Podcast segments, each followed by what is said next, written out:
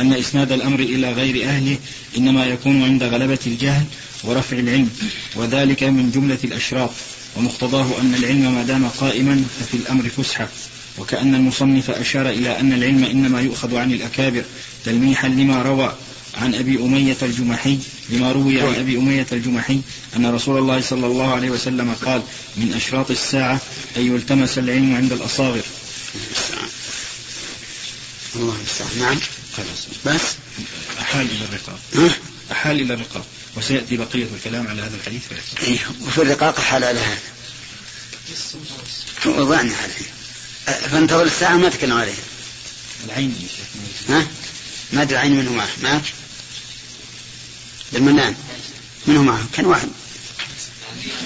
ها؟ عليان. ما جاء؟ لو تبحث يا شيخ. ها؟ يبحث طيب. نعم يا فهد. ها؟ نعم. الفاعل ولي الأمر. بمن؟ ما يطاعون. يطالبون بأنه يزال ولكن قد يطاعون وقد لا يطاعون. هل يقع الشر ها؟ هل يقع الشر؟ إي نعم. شيخ يعني ضيعت الأمان الآن والساعة تحتمل الهلاك كيف ندفعها وبما؟ بالصلاح. كل شيء له سبب يندفع بدفع سببه. ولهذا أشار الله عز وجل أشار الله إلى هذا في قوله ولقد أخذناهم بالعذاب فما استكانوا لربهم وما يتضرعون. فتدل الآية على أنهم لو استكانوا لربهم وتضرعوا لرفع عنهم. لكن قال فما استكانوا لربهم وما يتضرعون حتى إذا فتحنا عليهم بابا ذي عذاب شديد أشد من الأول إذا هم فيه مبلسون. آيسون من كل وجه. نسأل الله العافية. نعم. قول انتظر الساعة ما يدل على انتظار الساعة في العذاب الواقع نعم. في في احتمال هذا واحد. في احتمال هذا واحد. نعم. إن المراد الهلاك. إي نعم. والله ما ما ما, ما أظن يتعين إنما نقول هذا وهذا. نعم. خلاص. خلاص. حدثنا محمد بن كثير. قال أخبرنا سفيان قال حدثنا الأعمش عن زيد بن وهب قال حدثنا حذيفة قال حدثنا رسول الله صلى الله عليه وسلم حديثين رأيت أحدهما وأنا أنتظر الآخر. حدثنا أن الأمانة نزلت في جذر قلوب الرجال ثم علموا من القرآن ثم علموا من السنة وحدثنا عن رفع قال ينام الرجل النومة فتقبض الأمانة من قلبه فيظل أثرها مثل أثر الوقت. ثم ينام النومة فتقبض فيبقى أثرها مثل فيبقى أثرها مثل المجد كجمر دحرجته على رجلك فنفض فتراه منتبرا وليس فيه شيء. فيصبح الناس يتبايعون فلا يكاد أحدهم يؤدي الأمانة. فيقال إن في بني فلان رجلا أمينا ويقال للرجل ما أعقله وما أظرفه وما أجلده وما في قلبه مثقال حبة خردل من إيمان. ولقد أتى علي زمان وما أبالي أن يكن بايعت لئن كان مسلما رده علي الإسلام وإن كان نصرانيا رده علي ساعيه. فأما اليوم فما كنت أبايع إلا فلانا وفلانا. قال سربري قال أبو جعفر حدثت أبا عبد الله فقال سمعت أبا أحمد ابن عاصم يقول سمعت أبا عبيد يقول قال الأصمعي وأبو عمرو وغيرهما جذر قلوب الرجال الجذر الأصل من كل شيء. والوقت أثر الشيء اليسير منه والمجد أثر العمل في الكف إذا غلظ. هذا أيضا من جنس الأول. يقول إن الرسول عليه الصلاة والسلام حدثهم حديثين رأيت أحدهما وأنا أنتظر الآخر. الأول أن الأمانة نزلت في جذر قلوب الرجال. الجذر يعني والجذم أيضا يعني الأصل أصل الشيء. ونزلت الأمانة بناء على الفطرة التي فطر الناس فطر الله الناس عليها. ثم علموا من القرآن وهذا تغذية للكسب هذا تغذية للفطرة. ثم علموا من السنة. وفي هذا إشارة إلى أن التعلم من القرآن مقدم على التعلم من السنة. خلافا لما سلكه بعض الناس اليوم من العناية التامة بالسنة وهم لا يعرفون من القرآن شيئا. حتى أنك تسألهم عن أدنى آية من كتاب الله لا يعرفونها. بينما هم في الحديث أجلة وعلماء لكنهم في علم التفسير وعلم القرآن ضعاف. وهذا لا شك أنه نقص. والواجب تقديم القرآن ثم السنة. ولكن لا ليس معنى قولنا إن الواجب تقديم القرآن أن تدع السنة لكن تجعل اهتمامك أكثر في تعلم القرآن. ثم بعد ذلك ثاني من السنة. ولهذا قال علموا من القرآن ثم علموا من السنة. يقول وحدثنا عن رفعه من؟ الرسول صلى الله عليه وسلم. قال ينام الرجل النومة فتقبض الأمانة من قلبه. أسأل الله أن يثبتنا وإياكم. ينام النوم في ليل أو نهار. على أنه أمين فإذا استيقظ وإذا الأمانة منزوعة من قلبه. ولهذا شرع للإنسان أن ينام على ذكر وأن يستيقظ على ذكر. وما أجدر بنا أن نعلم أذكار النوم وأذكار الاستيقاظ. حتى ننام على ذكر ونقوم على ذكر. نعم. لكن الذي لا, الذي لا ينام على ذكر يخشى. أن تنزع الأمانة من قلبه إذا استيقظ وإذا هي غير موجودة والإنسان يحمد الله على نعمته ويسأله الثبات لأن القلب بين أصبعين من أصابع الله عز وجل يصرفه ويقلب كيف شاء. فيظل أثرها أثر مثل الوقت الوقت الأثر اليسير. يعني مثل لو أن شرارة سقطت على جلدك صار لها أثر لكن ليس بذاك الأثر القوي. ثم ينام النوم فتقبض الأمانة من قلبه. فيبقى أثرها مثل المجد. ففسره بقوله كجمر دحرجته على رجلك فنفط فتراه منتبرا وليس فيه شيء. هذا أيضا أشد من الأول. ينام ثم تقبض من قلبه ويبقى أثرها مثل المجد كجمر دحرجته على رجلك فنفض يقول تراه منتبرا وليس فيه شيء. وهذا شيء تفهمونه أنتم. إذا سقطت جمرة على رجلك انتبرت ولكن ما فيها شيء. هكذا إذا نزعت الأمانة النزعة الثانية. ويقول فيصبح الناس يتبايعون فلا يكاد أحد يؤدي الأمانة حتى في البيع الذي هو جار في حياتهم صباحا ومساء لا تكاد أحدا تجد أحدا يقوم فيه بالأمانة. غش كذب خداع مكر وهلم جرا هذا إذا طبقته على حاضرنا اليوم وجدت أنه منطبق على كثير من الباعة. كثير من الباعة يلعب يغش ويكذب ويخدع ويخون. المهم أن يجد كسبا ولو عن طريق محرم. فلا يكاد أحد يؤدي الأمانة فيقال إن في بني فلان رجلا أمين. قبيلة ما فيها إلا رجل واحد أمين. إن في بني فلان رجلا أمينا ويقال للرجل وهذه الأخير أشد وأطم ما أعقله ما أظرفه ما أجلده وما في قلبه مثقال حبة خردل من إيمان. يعني هو فيما في الناس وفي معاملة الناس جيد لكن ما عنده إيمان أعوذ بالله مثقال حبة خردل. وهذا مما يضرب به المثل في القلة.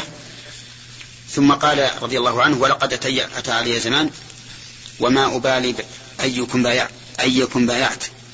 لئن كان مسلما رده الإسلام وإن كان نصرانيا رده علي سعيه فأما اليوم فما كنت أبايع إلا فلانا وفلانا. المعنى أنه يقول إن اليوم نزعت الأمانة. فلا أكاد أرى أحدا يصلح للمبايعة إلا فلانا وفلانا. فيه عندك وإن كان نصرانيا قوله نصرانيا رد علي سعيد. أي وإليه الذي أقيم عليه. واليه نعم. أي واليه أي واليه واليه أي واليه الذي أقيم عليه. لي- لينصف منه. وأكثر ما يستعمل الساعي في ولاة الصدقة. ويحتمل أن يراد به هنا الذي يتولى قبض الجزية. قوله إلا فلانا. قوله إلا فلانا وفلانا يحتمل أن يكون ذكره بهذا اللفظ ويحتمل أن يكون سمى اثنين من المشهورين بالأمانة إذ ذاك فأي فأبهمهم الراوي والمعنى لست أثق بأحد أأتمنه على بيع ولا شراء إلا فلانا وفلانا هو مشكلة المشكلة يقول وإن كان نصرانيا كيف يبايع النصراني؟ ها؟ يعني كان يعامل من شاء غير باحث عن حاله وثوقا بأمانته فإنه إن كان مسلما فدينه يمنعه من الخيانة ويحمله على الأمانة. فأما طيب إذا المبايعة هنا ليست مبايعة ال- الولاية. المبايعة من البيع والشراء. من البيع والشراء. والمسلم يبايع المسلم ويبايع النصراني ويبايع اليهودي يعامل كل منهم. ف رد عليه سعيد واضح. يعني لو بايعت نصرانيا فإن الذي يتولى أموره سوف يرده عليه بمعنى أنه لا يمكنه من الخيانة يرد الأمانة. أما الآن فلا أبايع إلا فلان وفلان. معنى لا أبايع؟ مبايعة ال- الولاية؟ لا. المبايعة في البيع والشراء نعم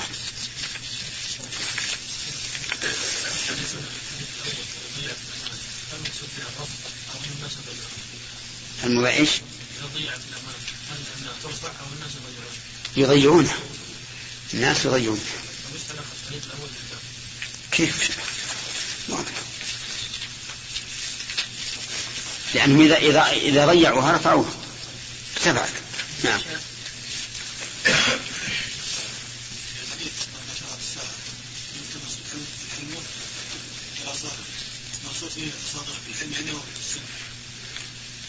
كلها لأن الأصاغة في العلم ما عندهم علم كامل والأصاغة في السن ما عندهم تجربة. والعلم كما تعلمون رفع الجهل والتربية من السفة ولهذا يقال علماء ربانيون. ما كل عالم يكون مربيا. بعض العلماء على العكس يفرح إذا وجد حيلة من الحيل يدل الناس عليها ليسقط بذلك فريضة من فرائض من فرائض الله أو تنتهك حرمات من محارم الله. فليس كل عالم يكون مفيدا للخلق. فالمراد بالصغار يحتمل المعنيين. صغار الع- العلم وصغار السن. أما صغار العلم فلجهلهم. وأما صغار العلم فلعدم تربيتهم لأن ما عندهم تجارب. الس- السن يعني. فما عندهم تجارب. ولهذا حذر النبي عليه الصلاة والسلام من حدثاء حدثاء الأسنان. حدثاء الأسنان. لأن حدثاء الأسنان ما عندهم دراية تجربة في الأمور. تجد عندهم مثلا إقدام في غير موضع الإقدام إحجام في غير موضع الإحجام ما عندهم تركيز. نعم. إذا الساعة التي لها علامات فإذا ضي- ضيعت الأمانة والعلامات هذه لم يعني لم تفسد الذي علق النبي صلى الله عليه وسلم الساعة بها. هل يتعين الثاني؟ آه، يعني هلاك الناس؟ تنتظر الساعة يعني بأشراطها يعني بأشراطها بمجرد إذا حصل أي نعم تنتظر الساعة مثل مثل ما قال الله عز وجل. فهل ينظرون إلى الساعة أن تأتيهم بغتة فقد جاء أشراطها فأنى لهم إذا جاءتهم ذكراهم قد يكون ال- المراد إتيان الساعة بأشراطها الم- التي تسبقها الأشراط المباشرة. يعني ما تدري ما تدري. هي أشراط الساعة الكبار هذه تأتي.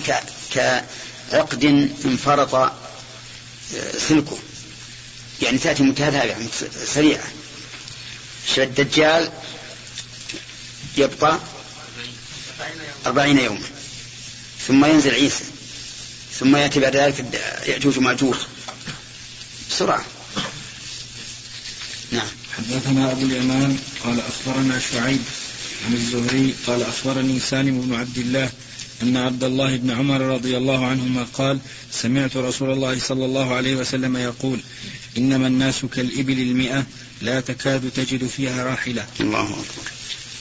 هذا الحديث شرحه شيخنا رحمه الله في الأحاديث 99 التي جمعها شيخنا عبد الرحمن بن سعدي والحقيقة أن الواقع يشهد له أن الناس كالإبل المئة واحد عنده مئة بعير يريد راحلة هينة لينة هملاجة سهلة المشي يركب واحدة فإذا هي تغير به. الثانية صعبة الثالثة حرون. الرابعة رغاءة وهكذا يحوم على المئة يجد فيها راحلة واحدة لماذا؟ لأن كلها ما تصلح الركوب. هكذا الناس أيضا. الآن لو أن أحدا شغر منصبه ولا سيما من المناصب الدينية لبقيت مدة تطلب أحدا ما تجد أحدا يقوم. لا تجد أحدا يقوم بالكفاية. فهذا المثل منطبق تماما على على الأمة في هذا العصر. لا تكاد تجد راحلة في مئة واحد. لو قدرنا مثلا هذا الشعب عشرين مليونا ما تجد فيهم مئتين رجل على ما, على ما, ما تريد من الصلاح. نعم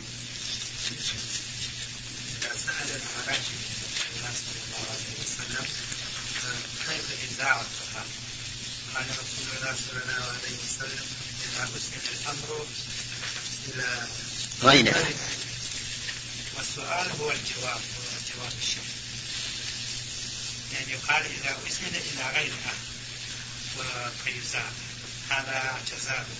يعني السؤال كل يوم هو جزاء من الشرط وقل فانتظر ساعة هذا هو الجزاء في حق الشرط وفي قول المقدم إذا بلغت الأمانة فانتظر ساعة هذا لا شك جزاء نعم. في وقت السؤال السؤال والجزاء أي. بس كلام الرسول عليه الصلاة والسلام كلام واحد. كلام الرسول صلى الله عليه وسلم كلام واحد. فإذا قال إذا يسند الأمر إلى غير أهله فانتظر الساعة. ما في ما يحتاج إلى تقدير الشرط أبدا. أما أما مثلا أما آه، الفهم الذي ذكرت أن إسناد الأمر إلى غير أهله ليس موجودا عند كلام الرسول صلى الله عليه وسلم. هذا صحيح. لكن ما حاجة إليه؟ ما دام قال إذا أسند أنا أعرف إذا متى متى رأيت متى رأيته أسند إلى غير أهله انتظرت الساعة. نعم. نعم. الحديث يقول النبي صلى الله عليه وسلم انما نزلت في جبل نعم.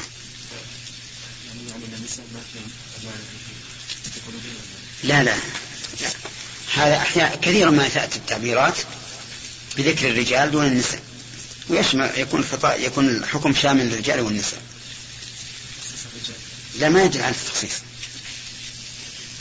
ما مثل هذا اللي بعده. يقول ينام الرجل النومة فتقبض الأمانة. قد تكون هذا أيضا في الأنثى. فإذا ذكر الرجال والنساء تعين الرجال للذكور والنساء للإناث لكن إذا أطلق الرجال فهو من باب التوليد نعم ها؟ تقصير العلماء إيش؟ لأن بالنسبة لانتظار الساعة يعني مثلا من أسرات الساعة مثلا لأن ما تقصير العلماء تقصير العلماء والله ربما نقول هذا أيضا من إضاعة الأمانة لأن الأمراء قصد العلماء لأن العلماء في أعناقهم عهد من الله عز وجل أن يبينوا العلم للناس ولا يكتمونه. فإذا ضيعوا هذا وكتموه لا شك أن تضيع الأمانة. نعم. باب الرياء والسمعة حدثنا مسدد قال حدثنا يحيى عن سفيان قال حدثني سلامة بن سهل وحدثنا أبو نعيم قال حدثنا سفيان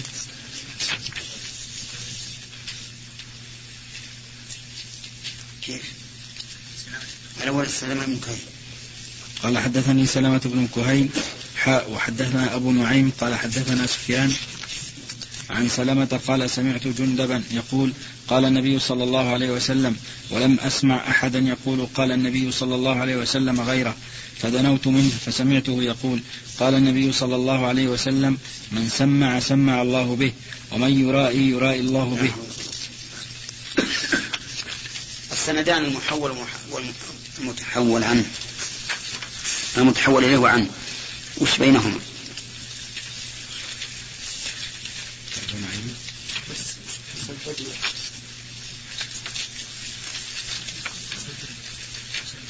إيش؟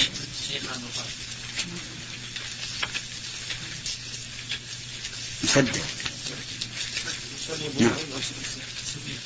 اي إيه وش وش المزيج؟ في نعم في علو ونزول الثاني أعلى لكن يمتاز الأول بالتصريح بالتحديث من سفيان. واضح؟ فالأول يمتاز بأن فيه التصريح بالتحديث من سفيان وسفيان من, من الذين يعنعنون أحيانا. يدلسون والثاني أرفع سندا لكن في هذا الخلل وهو مسألة العنعنة وهذه الحقيقة من مما يدل على أن البخاري رحمه الله إمام في علم الحديث. إمام في علم الحديث. يعني لما رأى أن السند ما فيه أي ضعف من حيث الإسناد دعمه بكونه عاليا في الطريق الأخرى. الشاهد هذا قوله من سمع سمع الله به ومن رأى يرا ومن يرائي يرائي الله به. يعني من سمع يعني من قال قولا يتقرب بمثله إلى الله من أجل أن يسمعه الناس فيمدحوه عليه سمع الله به. يعني أظهر الله حاله للناس حتى أسمع الناس الناس بعضهم بعضا بحاله. فصار الناس يتحدثون به. ومن رأى بأن فعل لأن الرؤية تكون للفعل والسماع يكون للقول والإنسان إما قائل وإما فاعل فمن قال قولا يرائي به ليسمعه الناس سمع الله به ومن فعل فعلا يرائي به ليفعله ليراه الناس رأى الله به وأظهر أمره ففي هذا التحذير من إيش؟ من الرياء والسمعة. طيب فإذا قال قائل قد قد يعرض للإنسان الرياء. قد يعرض له فلا يستطيع دفعه.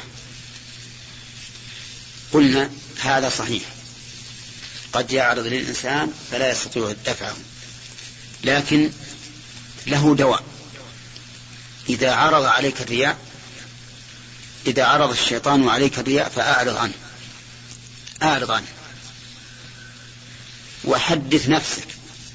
بأنك قلت هذا ليقتدى بك. فعلت هذا من أجل أن يقتدى بك. لا من أجل أن تمدح بأنك فاعل. فإذا أشعرت نفسك بأنك فعلته ليقتدى بك زال عنك الرياء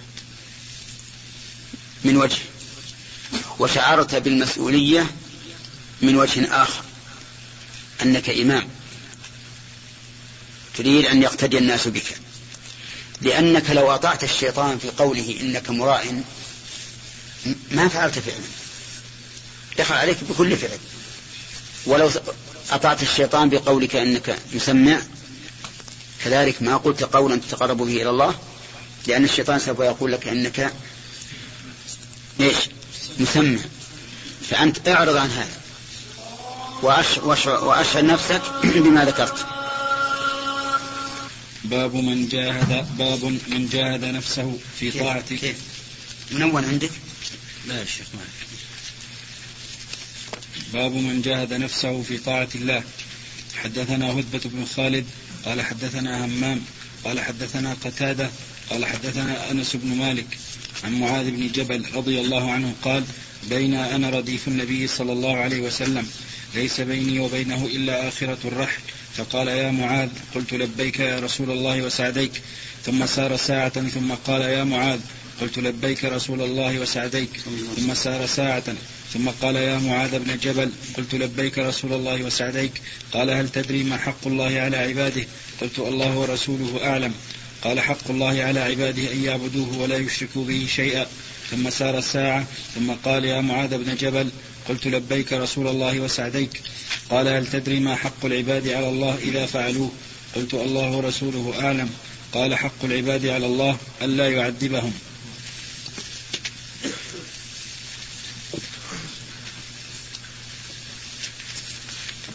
بسم الله الرحمن الرحيم. قال المؤلف رحمه الله تعالى باب من جاهد نفسه في طاعة الله. جاهد على وزن فاعل.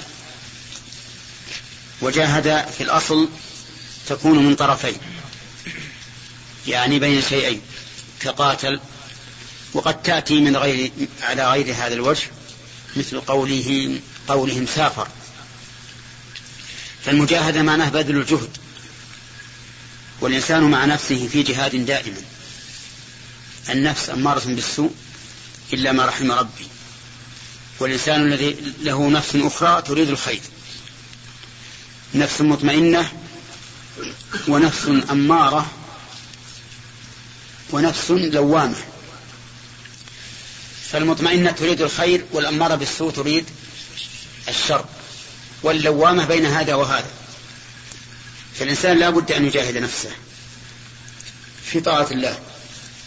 واختلف العلماء رحمهم الله في الذي يجاهد نفسه على الطاعة. هل هو أفضل أم الذي يفعل الطاعة بدون مشقة وجهاد؟ فمن العلماء من قال إن الأول أفضل لأن له من ينازعه على الطاعة ولأنه يحمل نفسه ويصبرها. والثاني ليس ليس فيه هذا الأمر. ومنهم من قال إن الثاني أفضل لأن الطاعة صارت كأنها غريزة في نفسه من محبته لها. ودوامه عليها. والصحيح أن الثاني الذي لا يحتاج إلى مجاهدة أكمل حالا من الأول. والثاني والأول ربما يعطى أجرا أكثر فيما يتكلفه من العبادات. وكمال الحال أفضل من مجاهدة الأعمال. ولهذا كان الصحابة رضي الله عنهم أكمل حالا ممن بعدهم مع أن بعدهم ولا سيما في غربة الدين يتكلفون للعبادة أكثر مما يتكلف الصحابة رضي الله عنهم.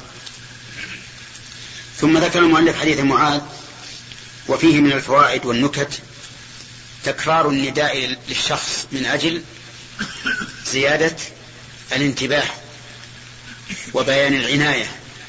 ولهذا ناداه الرسول عليه الصلاة والسلام ثلاث مرات. قال يا معاذ قلت لبيك إلى آخره. وفيه أيضا بيان ما يؤكد الخبر من ذكر الحال. فإن معاذ رضي الله عنه ذكر أنه كان رديف النبي عليه الصلاة والسلام وأنه ليس بينه وبينه إلا مؤخرة الرحم. وفيه أيضا أن حق الله على العباد أن يعبدوه ولا يشركوا به شيئا.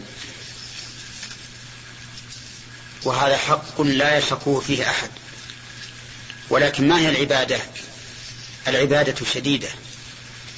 هي القيام بطاعة الله على وجه المحبة والتعظيم. فلا بد فيها من ذل واعتقاد أن الإنسان عبد لله. مسخر.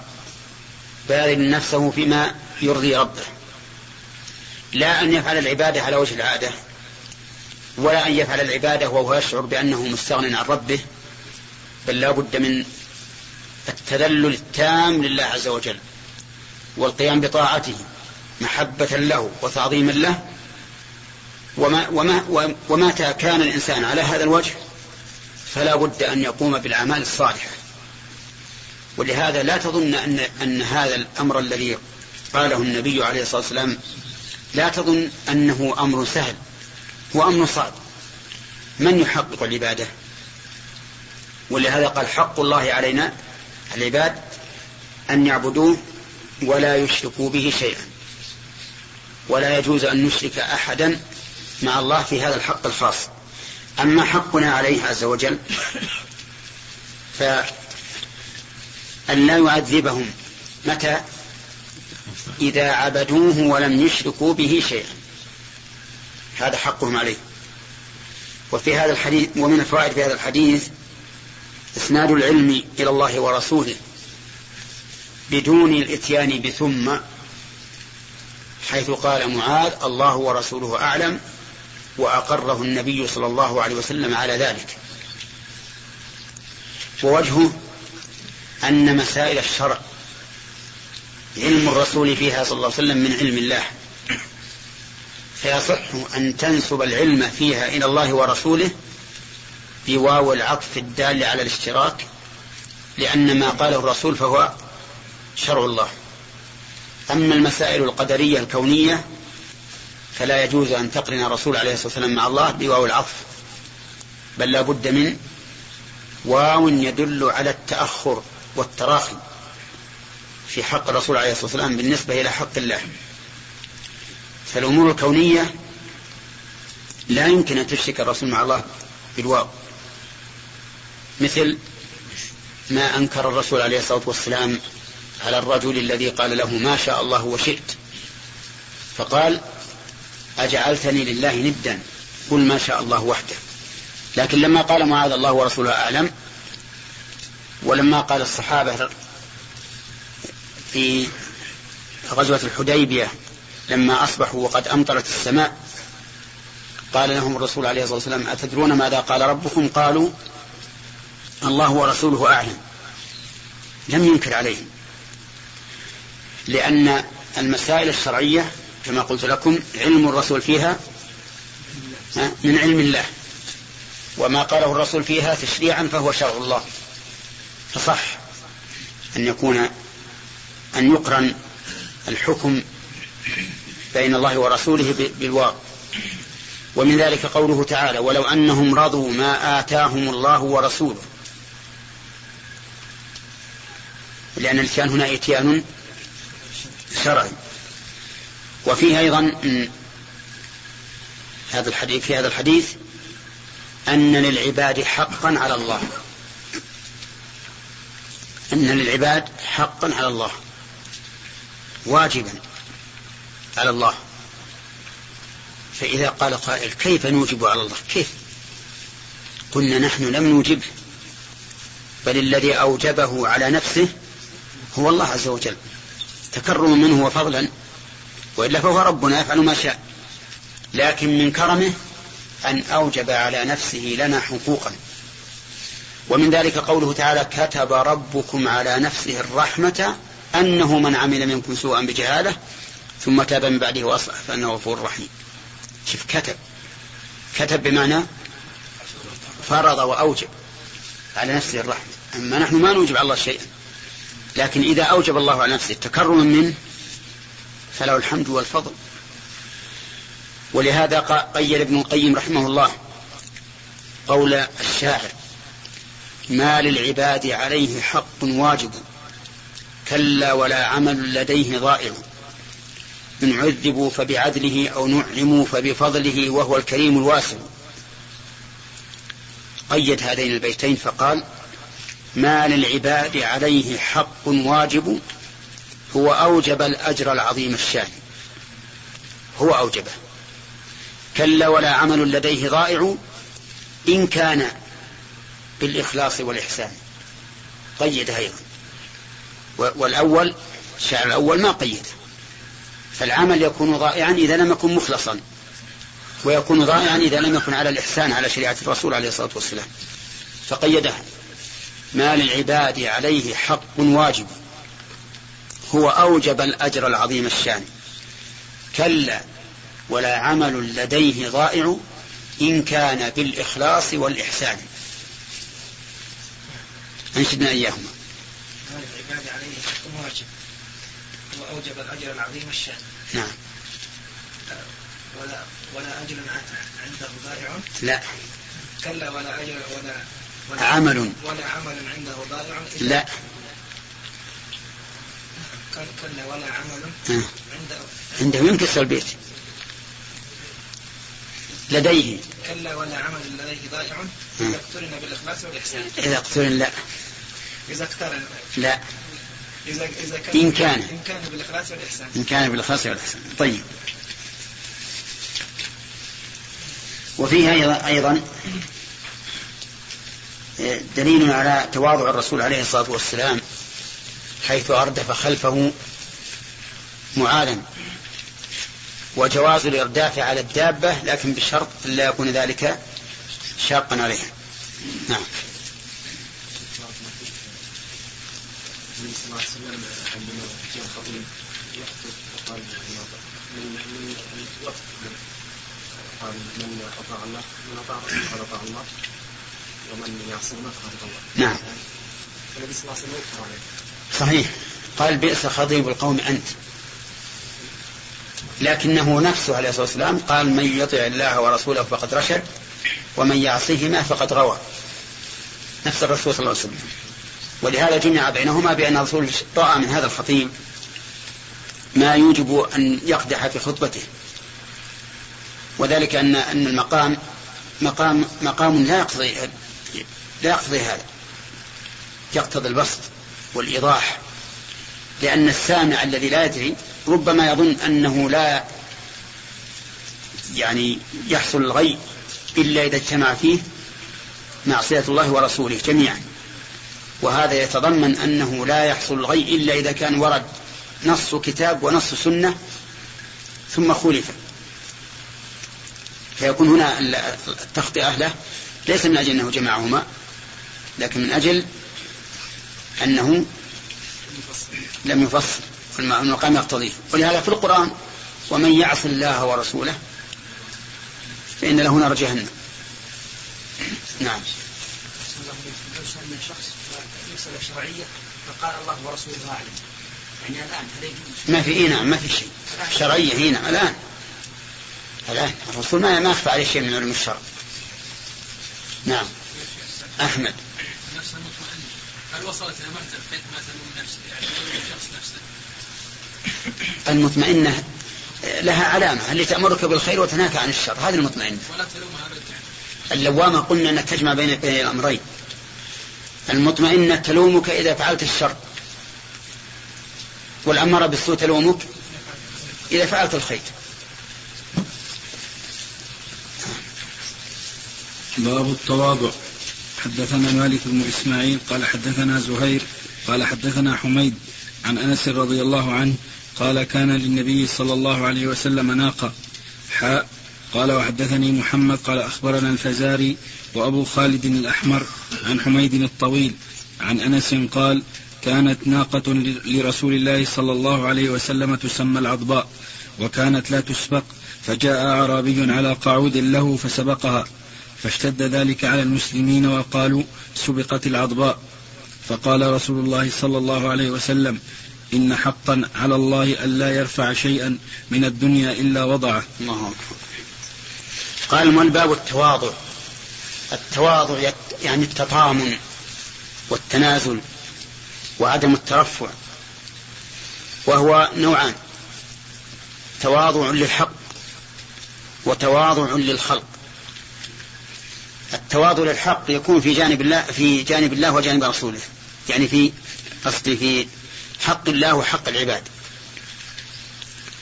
فإذا فالتواضع للحق في حق الله عز وجل أن الإنسان متى علم بالشرع في أي مسألة من المسائل أخذ به وإن خالفت هواه وإن خالفت ما كان يقوله.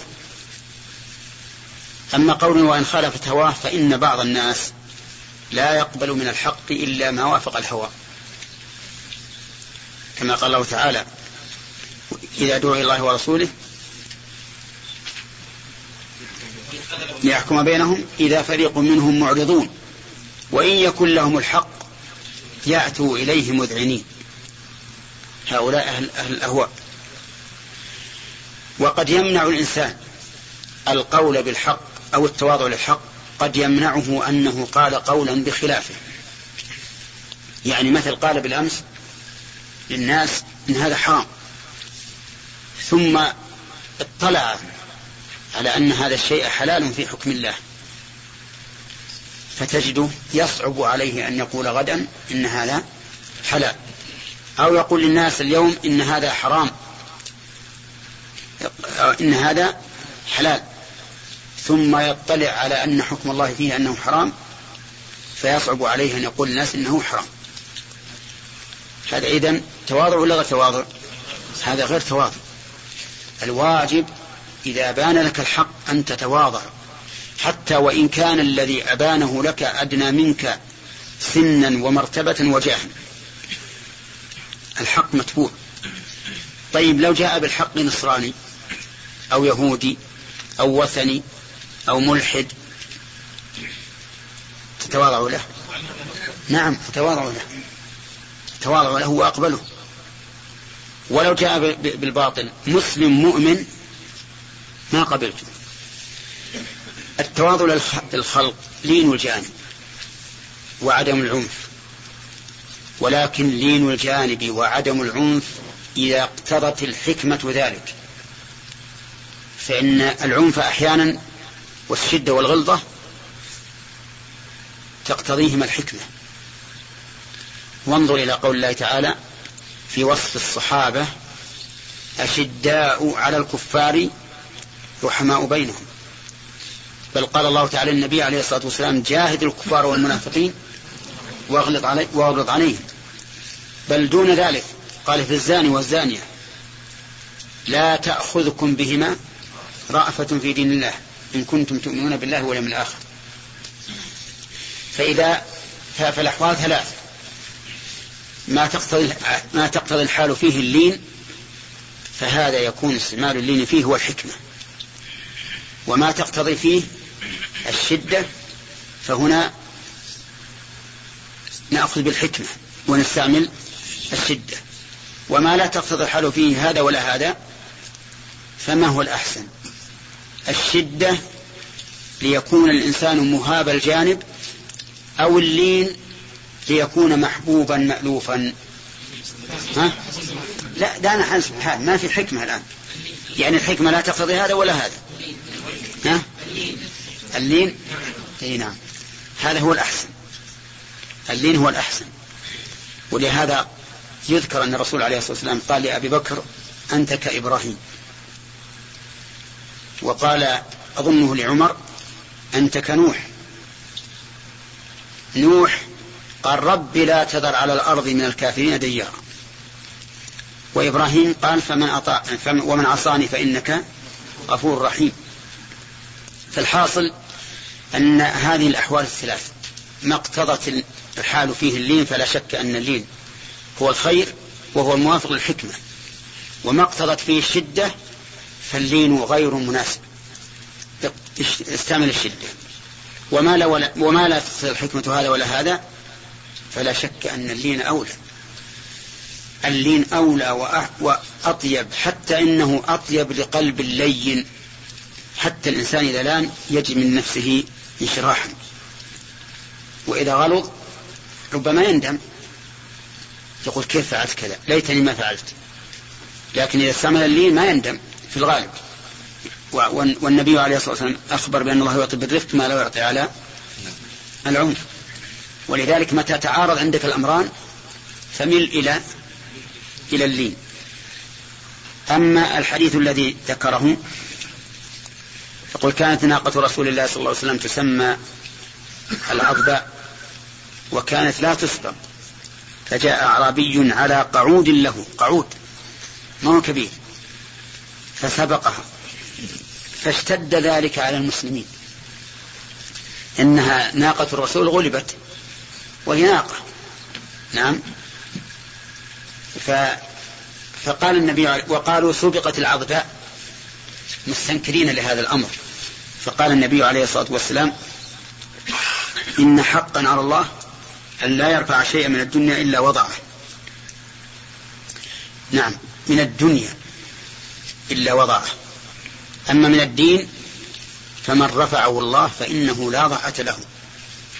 لكن إذا ركن الإنسان الدنيا فهذا يوضع. قال الله تعالى واتل عليه النبأ الذي آتيناه آياتنا فانسلخ منها فأتبعه الشيطان فكان من الغاوين. ولو شئنا لرفعناه بها. ولكنه أخلد إلى الأرض. أعوذ بالله. صار همه الدنيا. أخلد إلى الأرض واتبع هواه فلم يرفعه الله.